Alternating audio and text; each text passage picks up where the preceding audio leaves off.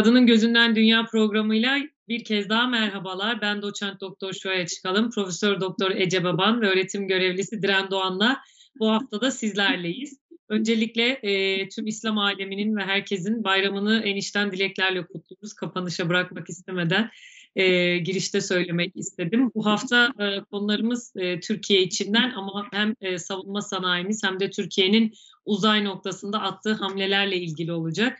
Sözü çok uzatmadan ilk gelişmemiz e, TCG Anadolu'nun dünyanın ilk e, SİHA gemisinin e, donanmamıza teslim ediliş törenine şahitlik ettik geçen hafta. Önceki programlarda savunma sanayini kısmi olarak çok parça parça konuşmuştuk ama e, TCG Anadolu hem dünyada e, tek olması hasebiyle e, hem de e, bütün kamuoyunda da sadece Türkiye içinde değil dışarıda da çok etki uyandırması nedeniyle hemen ilk sözü e, Ece Hoca'ya bırakıyorum. Ece Hocam e, dünyanın ilk siyah gemisi donanmamıza teslim edildi. E, kadın bir akademisyen olarak neler düşünüyorsunuz? Çok e, önemli bir gelişme e, bizim için hem Türkiye'nin e, özellikle e, savunma sanayisinde attığı adımlar ve e, hani ilk e, SİHA gemisi olması bizim için gerçekten e, Türkiye'nin e, bir de 17-23 Nisan tarihlerinde İstanbul'u ziyaret edilebilecek olması ayrıca. Yani bu da çok çok e, bizim için hem gurur verici hem de merak edenlerin e, görmesi açısından e, ve ziyaret edilebilip e, böyle bir başarının e, toplumla da bir araya gelmesi, halkla da bir araya gelmesi açısından çok çok önemli. Ee, özellikle dünyada böyle bu ölçekte hani cümleyi nasıl başlayalım? Ee, bu bir gemiye sahip olan ülke sayısının çok yüksek olmadığını e, 12 ülkede bulunuyor yanlış hatırlamıyorsam ve e, TCG Anadolu üzerine en önemli e, noktalardan bir tanesi SİHA'ların e, iniş kalkış yapabilecek olması ve ilk SİHA gemisi konumunda olması TCG Anadolu'nun. E, tabii ki burada aynı zamanda e, helikopter ve e, SİHA konuşlandırılabilecek olan bir güverteye, uçuş güvertesine sahip olması önemli. Hangarda e, bulunabilecek yani taşınabilecek SİHA sayısı ve helikopter sayısı da bunun için çok çok önemli. Dolayısıyla bu e, tabii ki bu geminin e, geliştirilmesi yani TCG Anadolu'nun geliştirilmesi aynı zamanda onunla birlikte e, kanatları katlanabilen e, SİHA'ların geliştirilmesini de beraberinde getirdi. Yani şunu söyleyebiliriz. Bizim milli üretimdeki başarılarımız ve geliştirdiğimiz aslında her yeni e, teknoloji beraberinde birlikte geliştirilebilecek diğer teknolojileri de tetikliyor. Dolayısıyla bu da çok çok önemli. Baykar tarafından şimdi kanatları katlanabilen Bayraktar TB3 SİHA'ları geliştiriliyor. E, bunlar e, hem Kızıl Elma, Bayraktar Kızıl Elma ve Türk Havacılık ve Uzay Sanayi tarafından geliştirilen Hürjet. Bütün bunların hepsi insansız uçak gemi sistemiyle birlikte aslında birçok e, çalışmanın devam ettiğini e, bize gösteriyor. Bu da tabii ki gelecek açısından çok çok önemli. E, ben hani daha fazla detay vereyim mi yoksa sözü Diren Hoca'ya mı vereyim? Belki şunu söyleyebilirim beraberinde. Hem bundan sonraki süreçte savaş savaşların seyri, hem elektronik harp hem e, yerli ve milli imkanların kullanılması, e, radar sistemleri, bütün bunların hepsinin e, biz e, önümüzdeki günlerde hayatımızdan e, çok kullanılmış konular arasında olduğunu ve e, ülkelerin kendini geliştirmesi gereken e, aslında yelpazenin e, parçaları olduğunu görüyoruz. Türkiye burada hem e, savunma sanayi ile birlikte hem doğal afet yardım görevleri çerçevesinde aslında e, her türlü imkanını kullanırken aynı zamanda e, geliştirdiği e, yapılarla e, işte mesela gemiyle beraber e, sadece tek bir alanda değil birçok alanda faaliyet gösterebilen kazanımlar elde ettiğini de görebiliyoruz. E, bu yüzden e, bizim için bence oldukça e, kıymetli, önemli ve gelecek için umut veren gelişmeler arasında e, herhalde şu anda e, birinci sıradadır diye düşünüyorum. İmece ile birlikte düşününce şimdi çok fazla çünkü e, aslında atılım gerçekleşti son günlerde. E, ben bunları söyleyeyim. Tabii beraberinde hani demin e, afet dönemlerinde de e, ne kadar çok önemli olduğunu söylemiştik. E, içindeki aslında e, sihalar ya da e, helikopterler, hangarda bulunan sihalar, helikopterler kadar aynı zamanda e, insani yardımda bulunabilecek bir takım e, e işte hastane imkanı, e, ameliyathane imkanı vesaire e, olduğunu da altını çizmek gerekiyor diye not alabilirim. Ece Hocam teşekkür ediyorum. Ee, şimdi direne sözü bırakmadan e, şöyle bir şey de söyleyeyim hemen e, not almıştım. E, TCG Anadolu'nun donanmaya teslim edildiği gün e, yine bizim tahmin edin hangi ülkelerin gündemindeydi. Tüm gün boyunca TCG Anadolu'nun özelliklerini e, Türk kamuoyuyla birlikte detaylı hatta canlı yayın geçen ülkeler oldu. Bunlardan birisi de tabii ki yine komşu ülkemiz Yunanistan oldu şaşırtmadığı şekilde. E, tüm özelliklerini konuştular. Gelecek dönemde savaşların ya da e, Türkiye'nin İHA'siya konusundaki geldiği noktayı TCG Anadolu'nun varlığı da nasıl değiştirir ve daha olumlu anlamda e, bir tık yukarı taşır, ivmelendirir tartışmasını hala da veriyorlar. Neredeyse bir buçuk hafta olmak üzere. E, Diren sen ne diyorsun? Arka planında savunma sanayi temasıyla olmuş bu hafta. Evet hocam aslında henüz TCG Anadolu maketi yok buralarda e, muhtemelen seriye katılır iler, ilerleyen süreçte diye düşünüyorum. Yani TCG Anadolu özellikle de Mavi Vatan doktrinine sahip Türkiye için oldukça önemli. Başta Türk donanmasının şu ana kadarki en büyük gemisi, çok maksatlı amfibi hücum gemisi. Yani indirme ve bindirme yapabilecek. Aynı zamanda hava, kara, deniz platformlarına ev, ev sahipliği yapacak bir gemi e, ve özelliği de çok önemli. Şimdi biz sürekli böyle Asya Pasifik konularını gündeme getiriyoruz. Siz de biliyorsunuz biz o alanı ben o alanı çalışıyorum. TCG Anadolu Türkiye'den çıkıp Japonya'ya herhangi bir aktarma olmadan e, direkt gidebilecek potansiyele sahip bir gemi. Yani bu da aslında e, coğrafyanın sadece mavi vatanla sınırlı kalmayarak büyük okyanuslara da açılabilecek Türkiye'nin o kuvvet çarpanına gitgide sahip olduğu anlamına geliyor. Aynı zamanda işte bu fiziki özellikler Ece Hocam'ın da bahsettiği gibi ama işte kaç tabur bir tabur asker sevk edilebilecek hatta hatırlarsınız belki e, törende de o askerlerin gemiye gönderiliş görüntüleri vardı. Bence oldukça gurur verici bir sahneydi.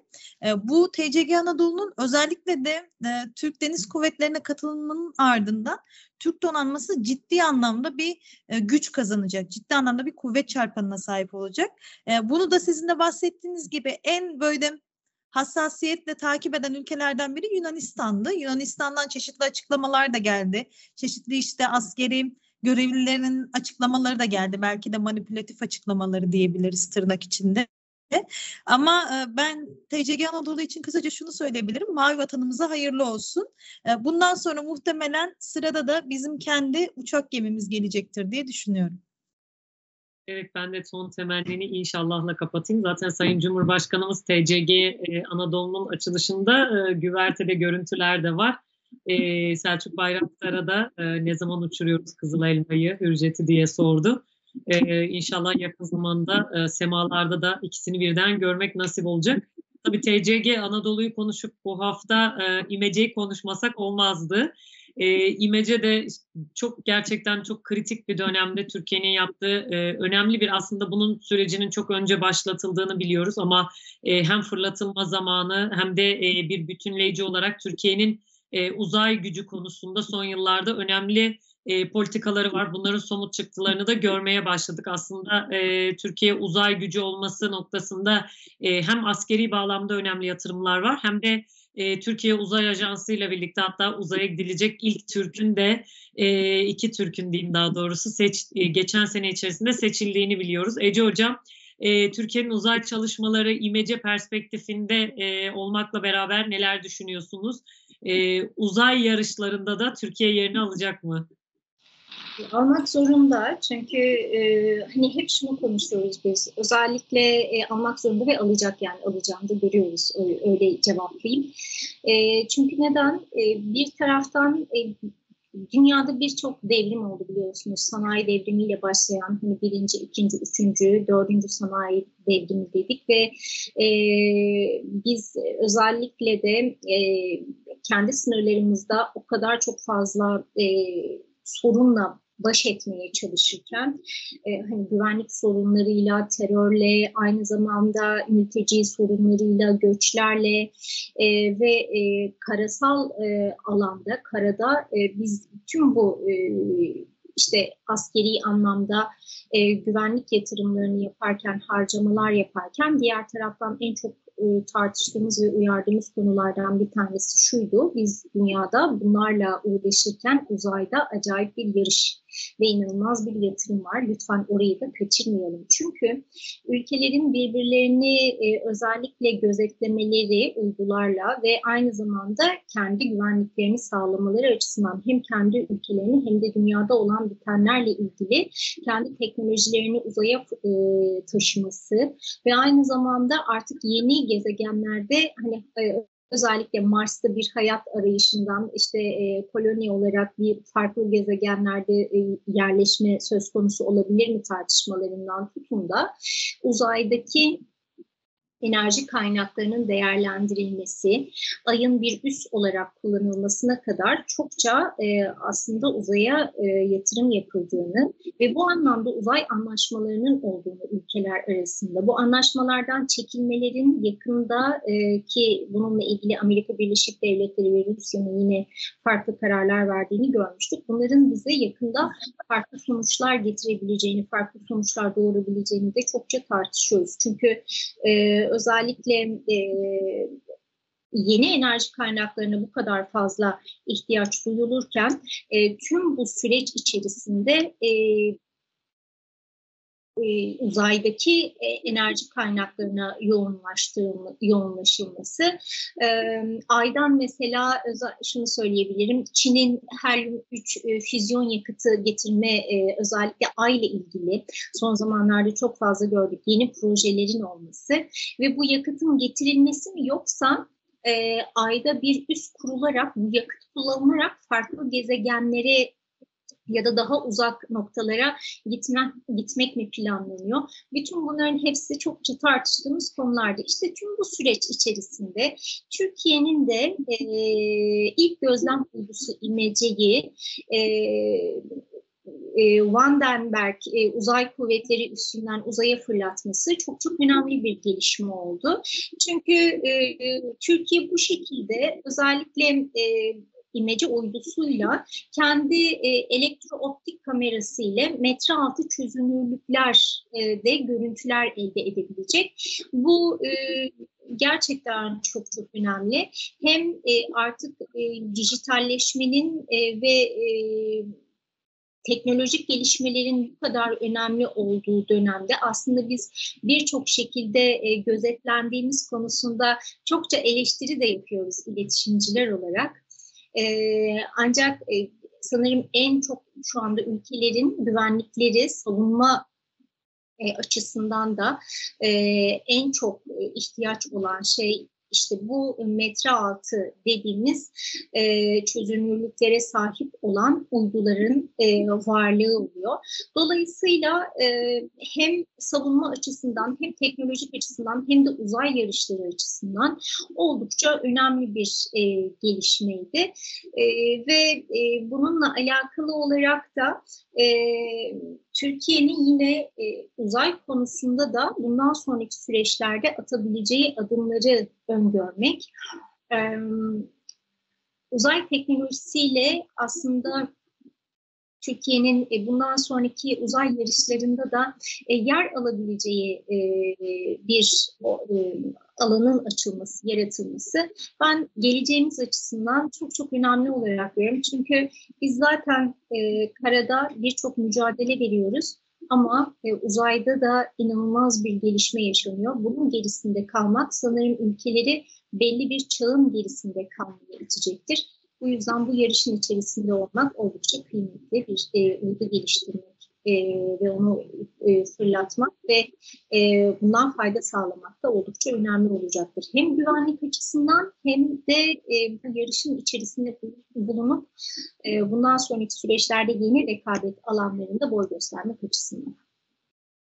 Ece Hocam teşekkür ediyorum. Ee, Diren sen ne düşünüyorsun? Türkiye'nin tabii ki uzay açılımının e, teknik ve mühendislik bölümlerinin ötesinde hiç şüphesiz hem güvenlik hem de e, Ece Hoca'nın söylediği gibi e, dış politika bağlamında da farklı yansımaları var. E, Türkiye'nin ortaya bir uzay vizyonu koyabilmesi, e, dünyada bu çalışmaları yapan ülkeler sınıfında olması, liginde olması bile çok önemli ve çok kritik bir dönemeç diye düşünüyorum ama son dönemde Türkiye'nin hem hukuk alanında özellikle uzay hukuku ile ilgili çok farklı çalışan e, hem e, kamunun içerisinde hem dışarıda akademik bağlamda yani tüm yönleriyle e, Türkiye'nin uzay çalışmalarını nasıl değerlendirirsin?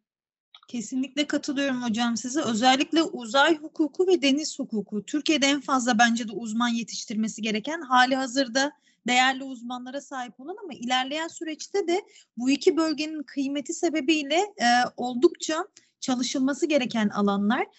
Uzay jeopolitiği özellikle günden güne önem kazanmaya başladı. Bu alanlar yani devletlerin yeryüzünü, dünyayı, yer küreyi bitirip uzaydaki emellerini tıpkı böyle işte diyorlar ya Soğuk Savaş 2.0 aslında onu anımsatan adımlar. Bu noktada imeci önemli bir atılım ee, ve şöyle de bir durum var. Az önce TCG Anadolu'yu konuştuk örneğin ve deniz kuvvetlerine armağan edildi. Ee, İMC de aslında hava kuvvetlerine verilecek yörüngeye yerleştirildikten sonra ve hem Savunma Sanayi Başkanlığı hem de Milli Savunma Bakanlığı'nın ortaklığında yürütülmüş bir proje.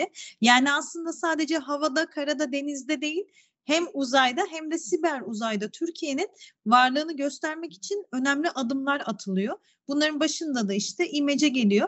İmecenin bu metre altı görünüm çözünürlüğe ve görüntü almasına e, olanak tanıması önemli. Bunu belki dinleyicilerimize şöyle anlatabiliriz. Hani metin olarak değil yani bir metre düşünün 90 santimden yani o uzaydan çekilen görüntü sanki 90 santimde çekiliyormuş kadar yakın olarak aktarılabilecek. Bu oldukça kıymetli bir e, görüntüleme şekli. Diğer taraftan gelecek projelere de katkı sağlayacak bir durum. Çünkü özellikle de savunma sanayinin atılımları e, birbirini sürekli olarak kümülatif olarak besleyen atılımlar. İmeceden sonra SAR e, uydu sistemi gelecek. Bu da aslında radar kesitine sahip uydu sistemi. Yani sadece görüntüleme değil de örneğin işte denizin altındaki mayınları ya da biz işte Ukrayna savaşı sebebiyle başıboş mayınlardan bahsetmiştik. Türkiye'nin bu SAR sistemiyle uzaya gönderdiği uydu sayesinde bu mayınların da kolay olarak tespit edilmesi sağlanacak. Ve TÜBİTAK'ın geliştirdiği imece aslında bu tür ileri teknolojilerinde bir bakıma ilk basamaklarını ya da orta basamaklarını oluşturuyor. Hem Türkiye'nin güvenliği için hem sosyolojisi için de çok önemli. Niçin bunu söylüyorum? Çünkü biliyorsunuz yakın zamanda bir deprem felaketi yaşadık ve orada uydudan çekilen görüntüler de oldukça kıymetliydi. Hatta Çinli takım mesela kendi SAR sistemiyle görüntüleri paylaşmıştı. Artık işte imece ile birlikte imecenin yörüngeye oturması ve oradan verileri vermesiyle birlikte sanırım 15-20 gün içinde ilk görüntüleri almaya başlayacağız biz. E, ve artık oldukça daha donanımlı, e, daha izleme ve takip potansiyeli yüksek e, ve her e, alana müdahale edebilen görüntüleme sistemlerini bir yenisini daha eklemiş olacağız diye düşünüyorum. Teşekkür ediyorum. Evet, e, bence imecenin devamında gelecek e, dönemlerde e, uzay konusu olduğunda tekrar e, Türkiye Uzay Ajansı'nın diğer çalışmaları ile ilgili de e, konuşabiliriz. Güzel olur çünkü Türkiye'de çok merak edilen bir konu, e, çok ilgi duyuluyor. E, şimdi son konumuz olan Japonya'ya e, dönmek istiyorum. Bu son haftalarda e, açıkçası çok Asya Pasifik konuştunuz diyenler oldu bana ama e, belki şöyle söylemek lazım. Hem birçok gelişme yaşanıyor hem de bize çok fazla kendi yakın coğrafyamızı konuştuğumuz için yani ya Batı ya Orta Doğu, Kafkaslar bölgesi ağırlıkla konuşuluyor Türk kamuoyunda ama e, zaman içerisinde de yeni yeni Asya Pasifik'te e, kamuoyunun bir parçası olmaya başladı. O yüzden buradaki gelişmeler de çok önemli. Biz Japonya'da e, yine çok kritik bir gelişmeye şahitlik ettik. Yanılmıyorsam 9 ay önce eski başbakana e, yapılan e, suikast sonrasında geçtiğimiz hafta içerisinde de e, şimdiki başbakana bir saldırı oldu. E, Ece Hocam sizinle yine başlayalım. Ee, Japonya'da neler oluyor Ece Hocam? Yani e, Japonya bir yanda bu demle dünyanın ilgisini çekmeye başladı. E, siz ne dersiniz? Yani tabii e, bir e, Japonya'daki şiddet e, olayları aslında e, özellikle de e, eski başbakanın e, Shinzo Abe'nin e, öldürülmesinden sonra e, bir suikast sonucu öldürülmesinden sonra e, bu sefer Japon, Japonya Başbakanı e, Kishida'nın seçim etkinliği sırasında e, bir patlama sesinin gelmesi ve e, üzerine e, bir sis bombasının fırlatılması e, tabii ki tüm e, dikkatleri Japonya'ya e, çevirdi. E, burada e, Shinzo Abe'nin hani suikaste uğramasından bir yıldan az bir süre sonra böyle bir olay gerçekleşti. Ve bu da tabii ki endişe verici bir durum. Neden endişe verici bir durum? Çünkü aslında hem şiddet olaylarının dünyanın her bölgesinde giderek arttığını hem de burada liderlerin daha fazla korumaya ihtiyaç duyduğunu ve e, zaten demokrasinin e, zaman zaman e, şiddetle tartışıldığı bölgelerde ve e, aslında Amerika Birleşik Devletleri'nin de e, böyle e, daha e, içli dışlı olmaya başladığı ve e, varlık göstermeye başladığı bölgelerde bu tür olayların olması sadece bir güvenlik sorununun ötesinde farklı sorunları da beraberinde e, getirir mi e, diye düşündürtüyor e, açıkçası. Bu saldırı tabii ki e, şiddetle kınandı. E, şunu da söylemek gerekiyor. E, konuşma iptal oldu. E, yani e, başbakanın yapacağı konuşma iptal oldu ve e, kişi de e, yaptığı açıklamada aslında böyle, insanları üzdüğü için de böyle bir endişe e, yarattığı için de üzgün olduğunu ifade etti.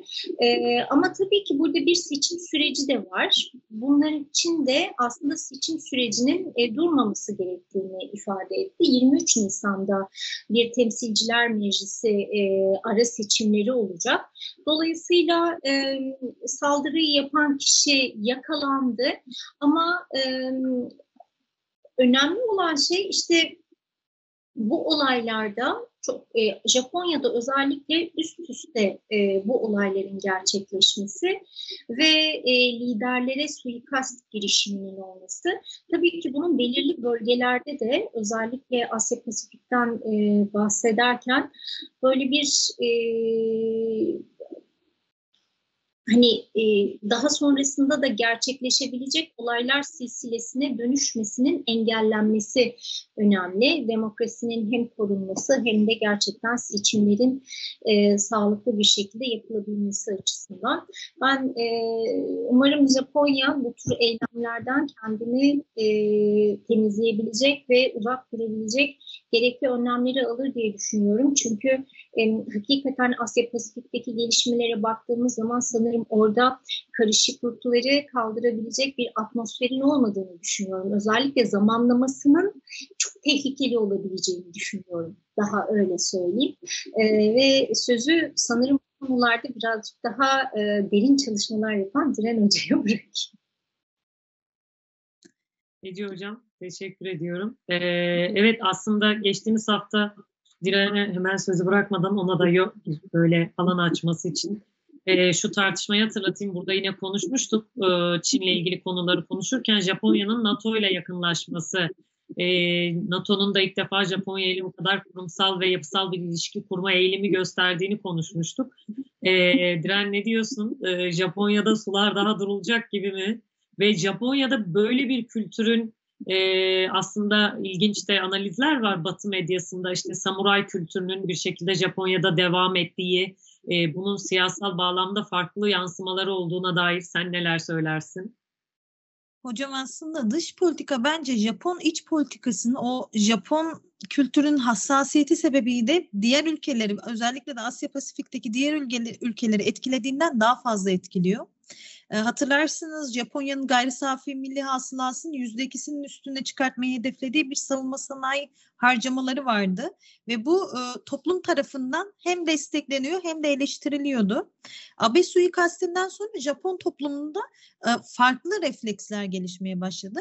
Şimdi Kishida'ya böyle suikast girişiminin yapılması aslında özellikle de Mayıs ayında G7 zirvesine ev sahipliği yapacak Japonya'nın tekrardan kendine yönelerek e, böyle bir ne oluyor, neredeyiz, biz sorularını sormasına da sebebiyet verdi. Ama ben siz bana top atmışken size geri top atacağım şöyle hocam. Niye bunu söyleyeceğim? E, hafta içerisinde daha doğrusu hafta sonu e, Merkel'in bir belgeseli vardı bir platformda. Onu izledim ve onu izlerken şöyle bir hissiyata kapıldım. Böyle kısaca bitireceğim çok süremiz yok ama e, belki bu beş yıl yani 2000 20'ye kadarki ya da o yıllara kadarki liderler genelde böyle çok orta yolcu liderlermiş. Yani Merkel'i düşünür mesela hem Rusça konuşabiliyor hem o kültüre hakim işte o Almanya'nın doğu batı olarak bölünmüşlüğü nedeniyle. Yani hem Putin perspektifinden empati kurabiliyor hem kendi Almanya perspektifinden olması gerekenleri söylüyor. Bu tür liderler gün geçtikçe uluslararası toplumdan silinmeye başlıyor. İşte silindikçe de aslında Ece Hocam bahsettiği gibi başta Asya Pasifik olmak üzere farklılıkları tolere edemeyecek ya da olası kriz çatırtılmalarını kaldıramayacak ülkeler ortaya çıkıyor. Ben küresel sistemin gelecek süreçlerinde liderlerin önemli rol oynayacağını düşünüyorum. Belki ilerleyen süreçte bir günde böyle bir program yaparız. Ama o belgeseli izlerken aklıma o geldi. Yani o süreçten bugüne baktığımızda dünya her zamankinden daha fazla kırılgan. Bu suikast, kelebek etkisi gibi suikast girişimi daha doğrusu çok farklı şeyleri tetikleyebilecek bir durumda ve e, Asya Pasifik'te oluşan gerilim bizi bile etkileyebiliyor örneğin. E, ilerleyen süreçte de bu kelebek etkisinin e, neler etkilediğini bence daha net bir şekilde değerlendirebileceğiz diye düşünüyorum. O zaman kapanışı yapmadan son topu bana attıysan ben bu konuyla ilgili birkaç şey daha söyleyeyim. Evet. E, tabii Merkel e, bir jenerasyon yani Merkel'in dönemi, Merkel'in şahsı da kendi jenerasyonuna biraz, göre biraz farklı ama e, ne olursa olsun ben hep söylediğim şey vardı zaten. Son gelecek dönemde en azından önümüzdeki 10 yıl 15 yıl e, güçlü liderler dönemi olacak. Yani neyi kastediyorum? E, artık bu kadar e, fazla sürecin olduğu, karmaşanın olduğu ve belirsizliğin olduğu süreçte e, toplumlar daha hızlı karar alabilen, krizleri daha etkin yönetebilen, gerektiğinde risk alabilen ve belirsizlikleri kendi avantajlarına çevirebilen isimleri lider olarak görmek isteyecekler. E, o yüzden de bizim çok alışık olmadığımız yani siyasi kültüründe alışık olmadığımız ülkelerin de e, ben güçlü lider profilleri ortaya koyacağını düşünüyorum ama e, Japonya'daki ve e, Japonya bazında e, Asya Pasifik'e baktığımızda tabii Çin gibi bir ülke ve oradaki güçlü liderliği e, dışarıda tutarsak diğer ülkelerin de e, buna bizim e, çok konuşmadığımız e, Endonezya, Malezya gibi ülkeleri de katarsak liderlik noktasında öne çıkan figürlerin daha aktif, daha kararlı fakat kendi bölgesi açısından da risk alan adımlar atacağını düşünenlerdenim. Çünkü Asya Pasifik bölgesinin güvenlik mimarisi o statikoda çatırdamaya başlamış durumda. E, yeni bir oluşum, yeni bir değişim ve dönüşüm var ama hangi aktör ne kadar etkili yönlendirecek hep beraber e, göreceğiz diyeyim. Çok da sözü uzatmadan. E, bir programımızın daha sonuna geldik. Kadının Gözünden Dünya programında. E, inşallah e, gelecek e, yıllardaki Ramazanlara da erişmek dileğiyle herkese tekrardan iyi bayramlar diliyoruz. Buradaki bütün kıymetli hocalarımızla haftaya görüşmek üzere.